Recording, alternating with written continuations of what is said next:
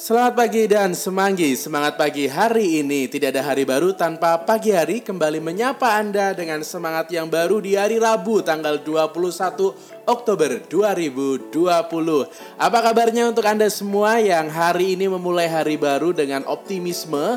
Semoga kita sudah siap dengan segala hal yang akan kita kerjakan pagi hari ini. Jangan lupa untuk Anda semua yang mungkin hari ini sudah mulai bekerja dan sudah harus ketemu bertemu dengan banyak orang atau mungkin yang karena kepentingan tertentu harus keluar rumah, jangan lupa untuk tetap mematuhi protokol kesehatan sebagai bentuk antisipasi penularan dan juga ikut serta memotong mata rantai COVID-19 dengan tidak lupa pakai masker, cuci tangan dan pastinya jaga jarak dengan orang lain.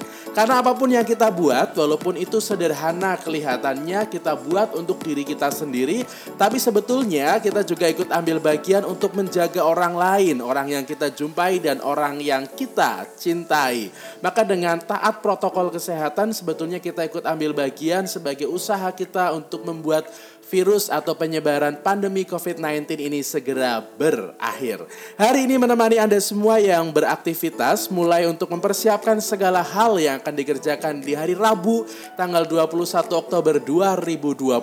Mungkin Anda yang sudah bersiap untuk bekerja, sekolah, atau mungkin beraktivitas di rumah untuk ibu-ibu rumah tangga yang hari ini masih masak. Saya akan menemani kita semua untuk mencari dan mencoba menemukan inspirasi dari bacaan Injil pada pagi pagi hari ini yang dibaca pada hari Rabu tanggal 21 Oktober 2020. Iya, bacaan Injil hari ini adalah dari Lukas bab 12 ayat 39 sampai dengan 48.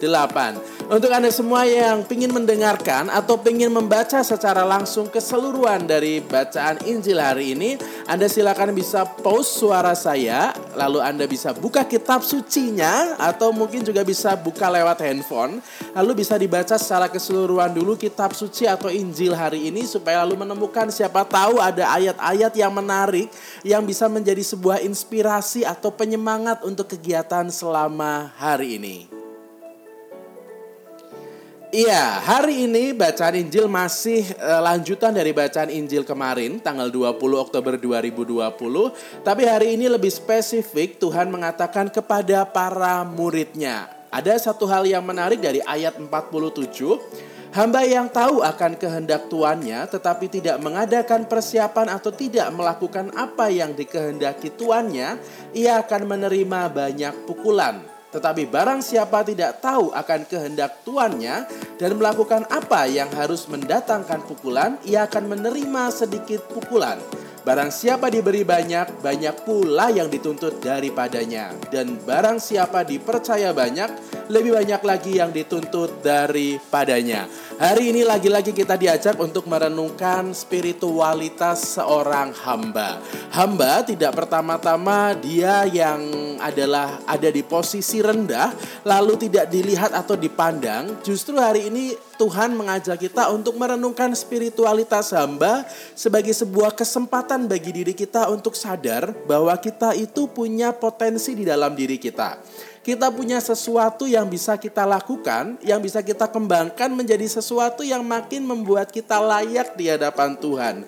Maka hamba yang dianggap sebagai hamba yang baik adalah hamba yang berusaha untuk membuat dirinya layak di hadapan tuannya.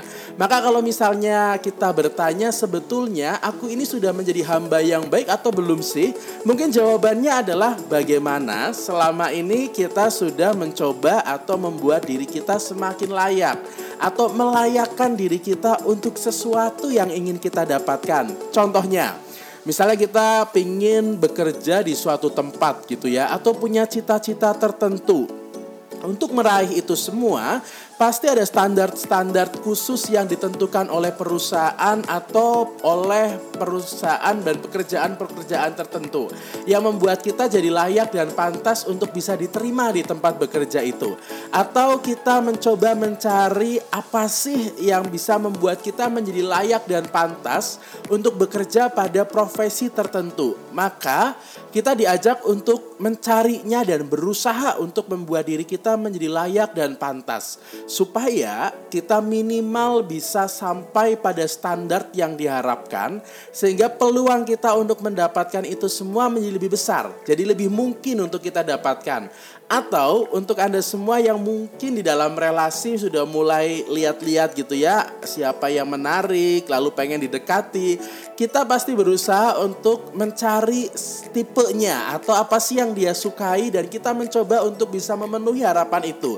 Mungkin itulah yang dimaksud dengan spiritualitas hamba untuk membuat dirinya layak di hadapan Tuhan karena dengan membuat dirinya layak maka dia akan mendapatkan apresiasi dari tuannya dan kita diajak untuk itu semua. Dan bagaimana caranya membuat diri kita layak? Yang membuat diri kita layak adalah diri kita sendiri karena kita sadar dengan segala yang kita miliki. Kita punya potensi, kita punya kemampuan yang harus kita kembangkan.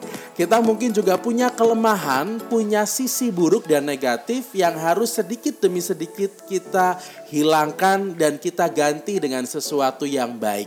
Dan rasa-rasanya itulah spiritualitas seorang hamba.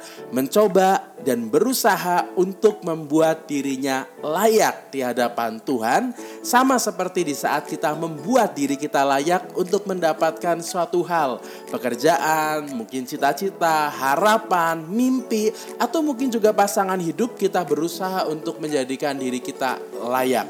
Maka pastinya di hadapan Tuhan kita juga diajak untuk menjadikan diri kita layak karena apa pun dan bagaimanapun situasi diri kita, mau kita hebat, mau kita luar biasa atau kita sederhana dan biasa-biasa saja, sebetulnya kita tetap sama di hadapan Tuhan, yaitu kita tetap adalah hamba yang harus berusaha dari hari ke hari, dari waktu ke waktu, berusaha untuk membuat diri kita layak dan semakin baik di hadapannya. Terima kasih untuk Anda semua yang sudah mendengarkan renungan pagi hari ini dalam Semanggi, semangat pagi hari ini.